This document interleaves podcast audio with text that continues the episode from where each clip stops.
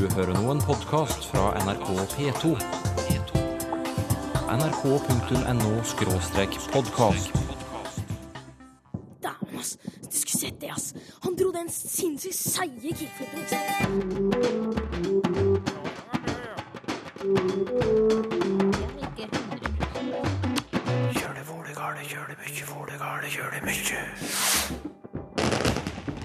To dager til nyttårsaften, Sylfest Lomheim. Da blir det raketter og salutt.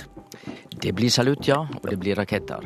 Ordet salutt det kommer fra fransk. Det er en fransk fest, kan vi si. Og saluer på fransk betyr jo å helse, slik at salutt er ei slags helsing. Men egentlig kommer det fra et latinsk ord salus, som betyr sunn, eller at du er helsig og har hellet med deg. Så det er fin helsing.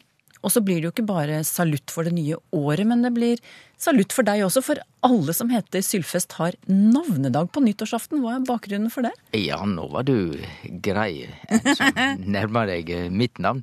Jo, Sylfest og Sylvia, begge kommer fra det latinske navnet Silvester, og det var et pavenavn. Det var faktisk fem stykker. Silvester den tredje var pave i år 1000. Og slik kom jo det navnet òg inn i vårt land med katolisismen, men det er ikke mykje brukt, det er lite kjent hos oss, men ute i verda der er det mange som, som har det. Og nyttårsaften, det er Silvesters navnedag. Det var nyttårsaften som kommer snart. Men i dag er siste Språkteigen i 2013, og da er spørsmålet har du med deg årets ord? Det har jeg. Hva er det? Det sier jeg ikke, men jeg kan love at det er et av de orda som lytterne har foreslått burde bli årets ord. Den som følger med helt til slutt, får vite hva det blir. Språkår er snart over, og et av stikkordene for språkåret 2013 har vært mangfold. En feiring av den språklige rikdommen vi har her i landet. Noe av dette mangfoldet har vi vist fram i Språkteigen også. Og i årets siste sending får du et gjenhør med to av disse historiene. I januar møtte du denne damen. God dag. Mero kalles Anna Gustavsen. Det hun kan lave Meros. Mero rakra det hun kan tikno. Dette er Anna Gustavsen fra Taternes Landsforening, som sier at hun har snakket romani siden hun var liten. Romani har offisiell status som minoritetsspråk i Norge. Et språk som kom til landet med taterne på 1500-tallet. Og som snakkes fremdeles, forteller Anna Gustavsen. Mange mener at det er et utdødd språk, men det er det ikke. Det er et levende språk. Ja, hvordan bruker du romani i det daglige? Det er jo situasjonsbetinga på en måte, da, men så bruker vi det jo òg eh, hjemme i hverdagslivet.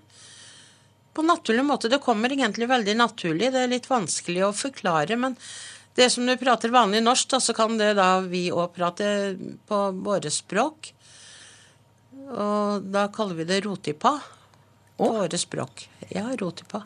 Hva betyr det? Det betyr da romanispråket. Så du bruker det hjemme, og så, du, så sa du at det var situasjonsbetinget. Kunne du gitt noen eksempler på situasjoner ellers der det er eh, naturlig å snakke romani? Ja.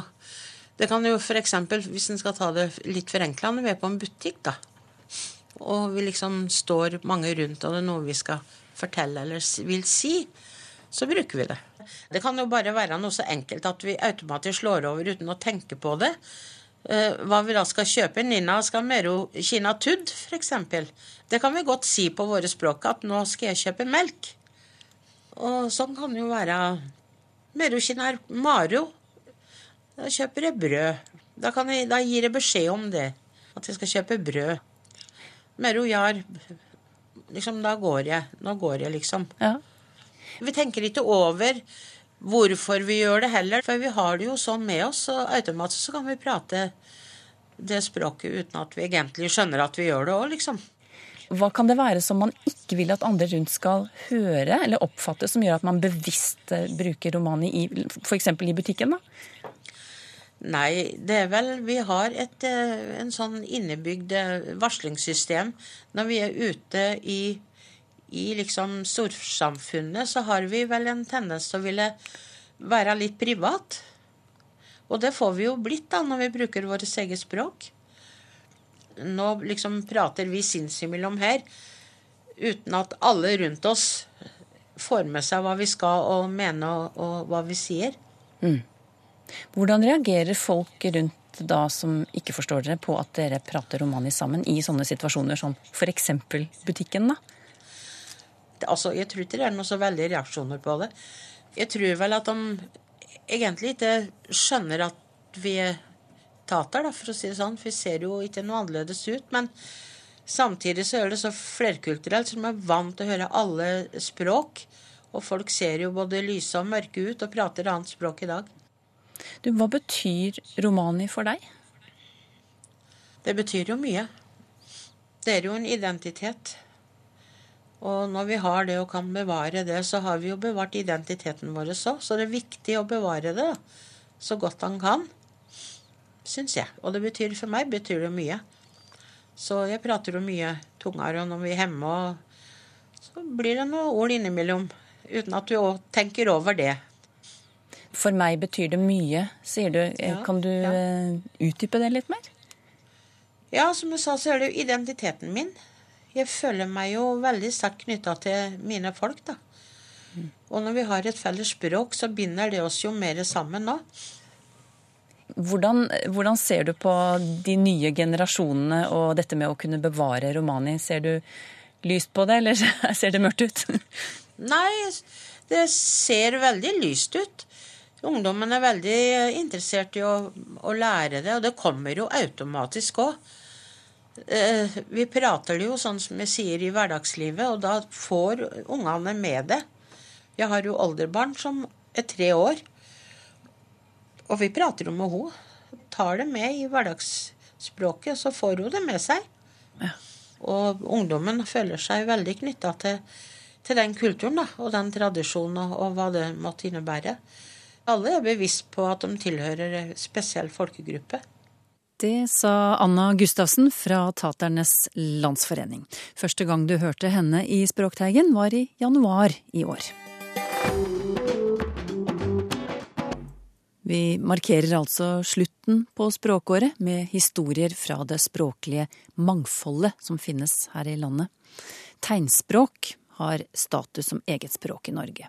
Vi regner med at det er rundt 5000 døve nordmenn, og dermed er de en språklig minoritet. Hvordan oppleves det? I mai besøkte Språkteigen Trondheim tegnspråkklubb, en ungdomsklubb for døve.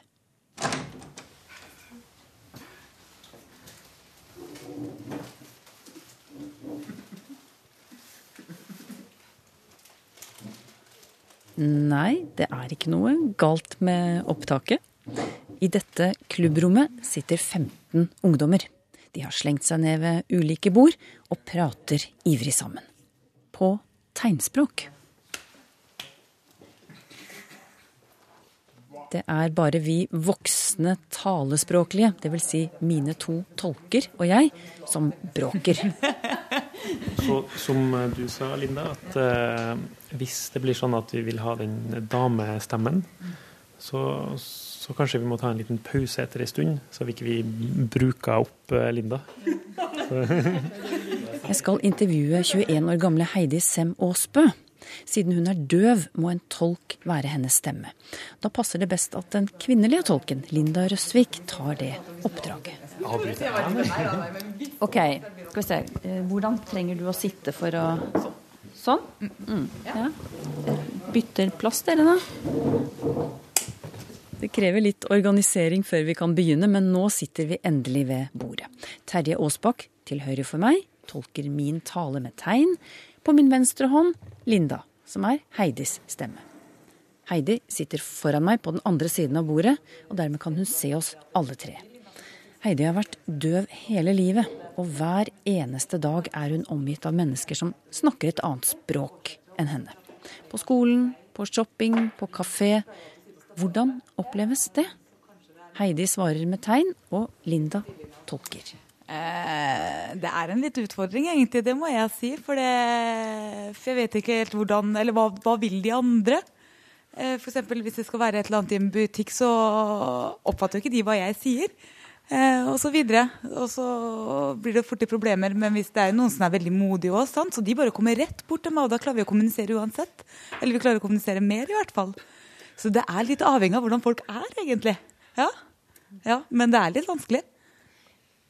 Men hva gjør du når du går inn i en butikk og du ikke klarer å gjøre deg forstått? Hvordan løser du det? Eh, jeg bruker mobilen, ja, gjør jeg. Eh, så jeg bruker den til å skrive. Og så viser jeg fram til betjeninga hvis det er et eller annet jeg lurer på. Eller f.eks. hvis de Ja, så kan de skrive tilbake igjen til meg som svar på mobilen. Eller bare på en lapp eller noe sånt, og så klarer vi å kommunisere sånn, egentlig. Ja. Mm. Eller er det noen som er veldig flinke med kroppsspråk òg, vet du. Så da går det greit da òg, faktisk. Mm. Hva slags reaksjoner får du når de skjønner at uh, du er døv? uh, jo, jeg kan jo fortelle fra et eksempel, da. Jeg hadde vært på, uh, skal vi se, på Egon-restauranten. Og jeg kom inn, og så sa jeg at jeg hadde lyst på en cola. Sant? Det er lett, jeg bruker håndtegnet for å se. Og så sier jeg cola på munnen.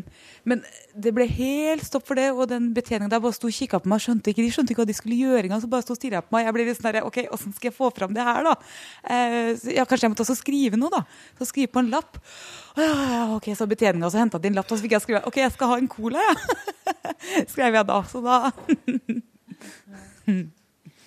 Men Du ler av det nå og tøyser litt med det, men eh, er det bare spøk? Altså, hvordan opplever du det? Hvordan føles det?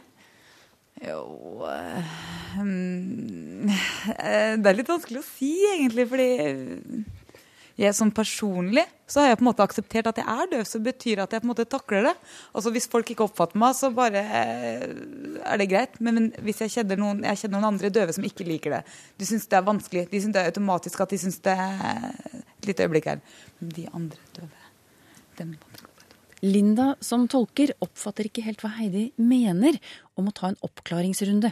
Legg merke til hvordan Linda også formidler Heidis måte å uttrykke seg på, med latter, nøling, småord og når hun blir ivrig, høyt tempo. Ja, nå repeterer Heidi her igjen her. Jo, jeg aksepterer det på en måte at hvis ikke det er noen som får til å kommunisere med oss, kan vi bruke kroppsspråket, og hvis ikke de klarer det, så bruker vi mobilen. Så jeg har på en måte akseptert det, men så er det andre døve som kanskje ikke liker det. De liker ikke å bruke all den tida på å prøve å klare å kommunisere. Altså, De tar fra mobilen med en gang hvis de ikke klarer kroppsspråket, og så kan de fort bli litt irritert for at de ikke får det til. Så selv om de på en måte har brukt mobilen, og de som de prøver å kommunisere med, fremdeles ikke oppfatter hva det vil si, så bare stikker de. Så mm. Heidi Sem Aasbø går på Tiller videregående skole, som er en av landets knutepunktskoler. Det betyr at den er tilrettelagt for døve elever, med bl.a. tilbud om undervisning på tegnspråk. Derfor har Heidi både hørende og døve medelever. Men på den videregående skolen hun gikk på før, var hun eneste døve i klassen. Og da var det mange elever, og de var ikke noe spesielt interessert i tegnspråk. Så da var det faktisk vanskelig for meg å få treff dem, få møtt dem, bli kjent med dem. Så jeg møtte mye motgang da. Altså, De er ikke interessert i å snakke med meg. sant? Så betyr det at jeg på en måte, da har jeg ikke lyst til å gå til de og prøve på en måte å bli kjent. Jeg blir liksom som den dumme. Jeg føler meg i hvert fall sånn. Det hadde vært bedre med de som faktisk er interessert i tegnspråk og smiler og er imøtekommende. Da tør jeg å møte de også, sant? Altså at vi får til kommunikasjon der. Men ikke når de ikke er interessert.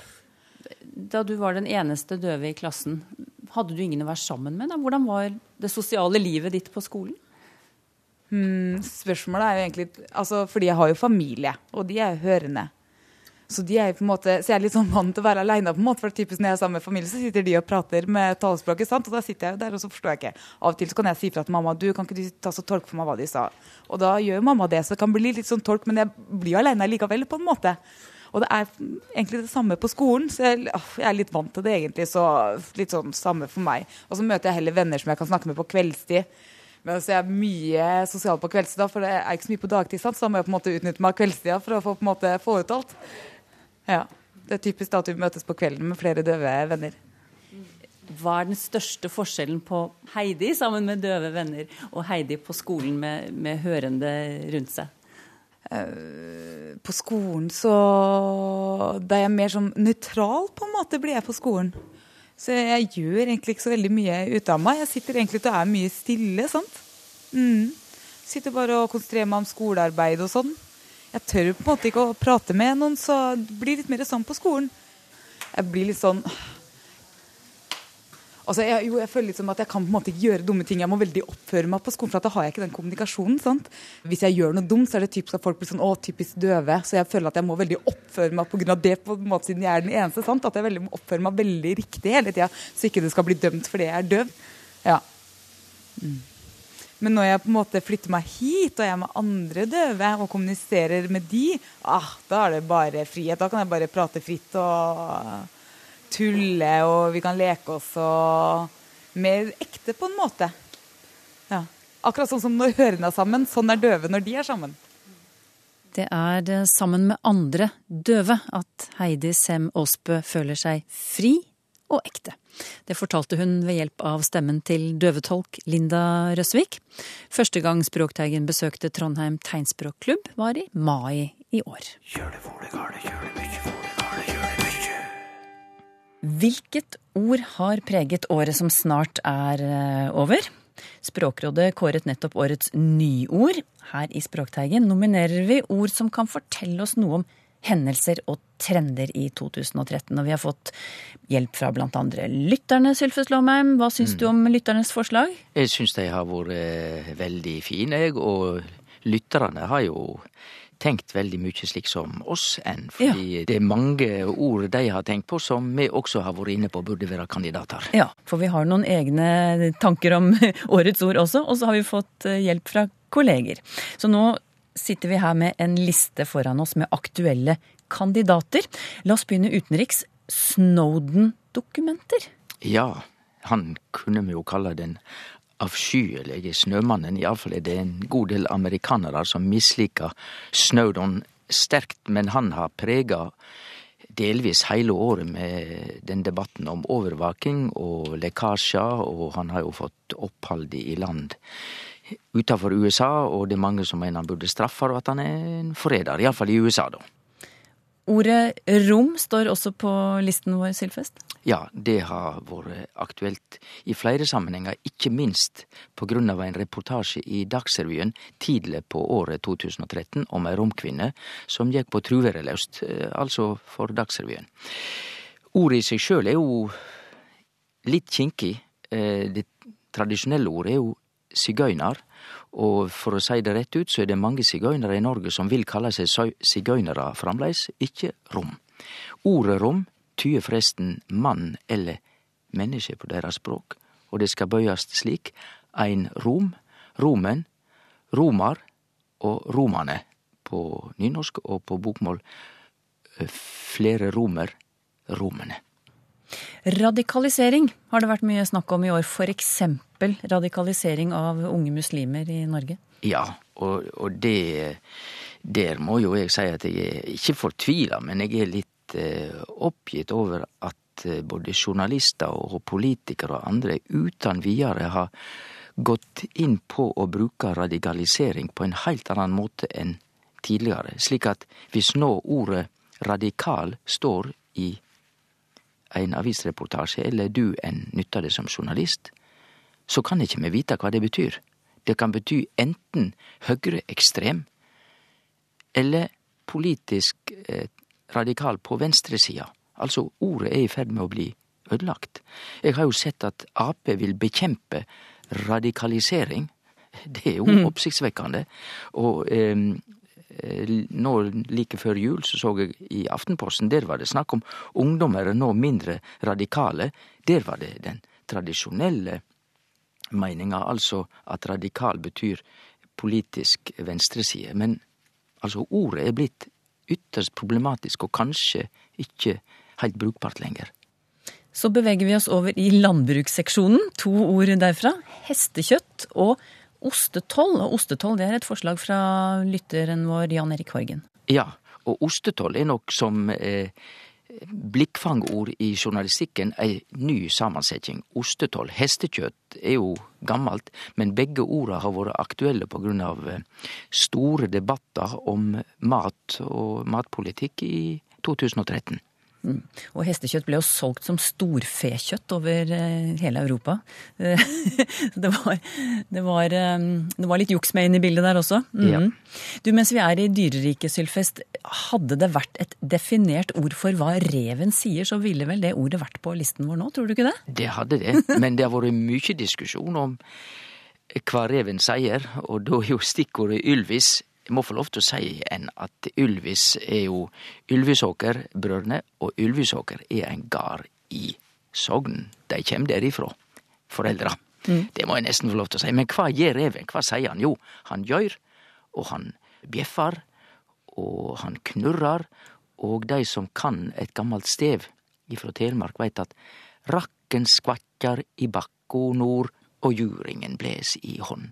Og rakken, det er reven, og skvakkar eller skvatrar, det er også brukt da, blant anna i Telemark, om det reven gjør. Et ord vi ikke kommer utenom. Sjakk. Sjakk. Tyr. Konge. Og det har jo vært til og med sjakkfeber høsten 2013. Vi husker vel sjahen av Persia. Det er samme ord som sjakk. Sjahen av Persia som eh, gikk av for mange, mange tiår siden. Så Magnus Carlsen er det navnet som er knyttet til sjakk. Som tyder da konge. Men så ser jeg at du har foreslått ordet slips. Og hvorfor i all verden har du det? Ja, slips, det er det store som har skjedd med slips i 2013, og det har ikke vært kommentert av journalister eller andre, det jeg har sett, er at slips har mista prestisje i 2013.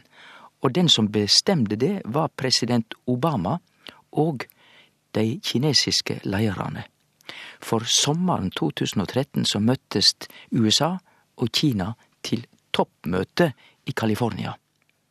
Og la merke til på fjernsynet ingen av mennene, det var bare menn, og det var 10-15 menn vi så som satt på hver sin side av bordet, ingen av mennene hadde slips. Så ikke si til meg at dette ikke var bestemt av Obama og den kinesiske lærerne. Vi møtes, og vi skal ikke ha slips. Så slips har mista status i 2013, som ord og fenomen. Mm, Det er i hvert fall din teori. Ja. Ja. Du, så var det valg i høst, og Harald Heggernes er blant eh, dem som har foreslått ordet plattform. Det var jo mye snakk om hvem som skulle få stå sammen med Erna på regjeringsplattformen. Ja, det var jo det. det plattformen er snakk om hva slags parti som da danner den politiske plattforma. Og her skal ikke plattforma produsere gass eller olje, men plattforma skal produsere ei regjering. Et annet ord vi husker godt fra valget. Morna. Morna, ja. Det var hun Siv Jensen som sa 'Morna, Jens'. Og det var vel kanskje ikke det mest vellukka påhittet hun har gjort som politiker i 2013, for det var ei litt bråkjekk helsing og øh, for ha det og farvel. Kunne kanskje ha unnlatt å ha sagt det. Men det som er å si om Monna, er at um, det heller ikke er et ord som er egentlig utbreid i norsk språk. Det er typisk for østnorsk og kanskje området rundt Oslo, når eh, så folk sør og vest og nord i landet, hvis de sier Monda, så er det faktisk ei herming etter eh, personer fra Oslo-området. Ei litt bråkjekk helsing. Men du, nå er det på tide å kåre årets eh, ord, Sylfest Lomheim. Det ordet som forteller oss noe sentralt om 2013, og som har blitt brukt ofte, særlig de siste månedene, og som har blitt foreslått av mange, blant andre Hildegunn Hove og Jarle Karlsrud. Du skal få lov å si det, du. Ja, ordet er blå. Blå-blå. Blå-blått. Og det ordet har jo virkelig dominert det norske språksamfunnet siden før sommeren. Og like fram til nå. Og du all verden, så mange ordspill journalistene har laga. De har jo fråtsa i det, du veit. Nå er det i det blå, og da er det uvisst. Og en blåtur er jo en usikker tur. Å kjøre med blålyset på, da er det krise, da er det fare på ferde. Eh, Det, det brenner et blått lys over, da er det slutt for ting. Å være blåøgd er jo å være naiv. Og eh, den måndagen da de danna regjering, så sto det i ei avis som da ikke var tilhenger av dette, at ordet blåmandag har nå fått ny mening. så det er jo det bakrus. Og blåruss i regjering og landet nå på blå resept, det betyr gratis medisin, og i det hele tatt. Det har vært et oppkomme av sjølsagt, ordspill i politisk journalistikk heile, heile høsten. Men så er det jo ordet og adjektivet blå, det er jo bare tre bokstaver, B-L-Å, et veldig gammelt ord. Og det er brukt i germansk, eh, sjølvsagt. På engelsk er det blue, og på tysk er det blau.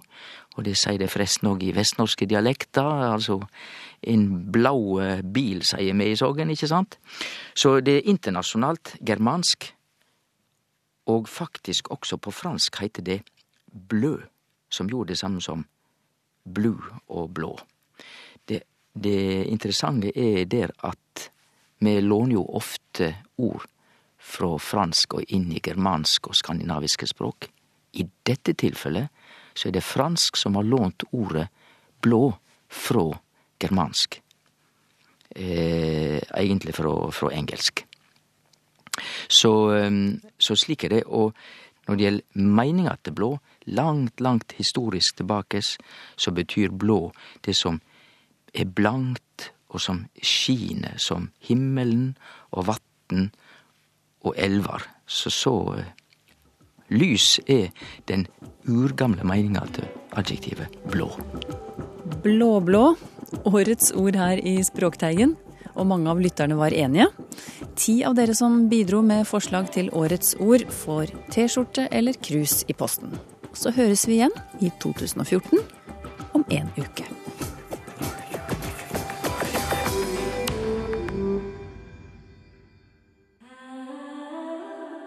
nrk.no podkast.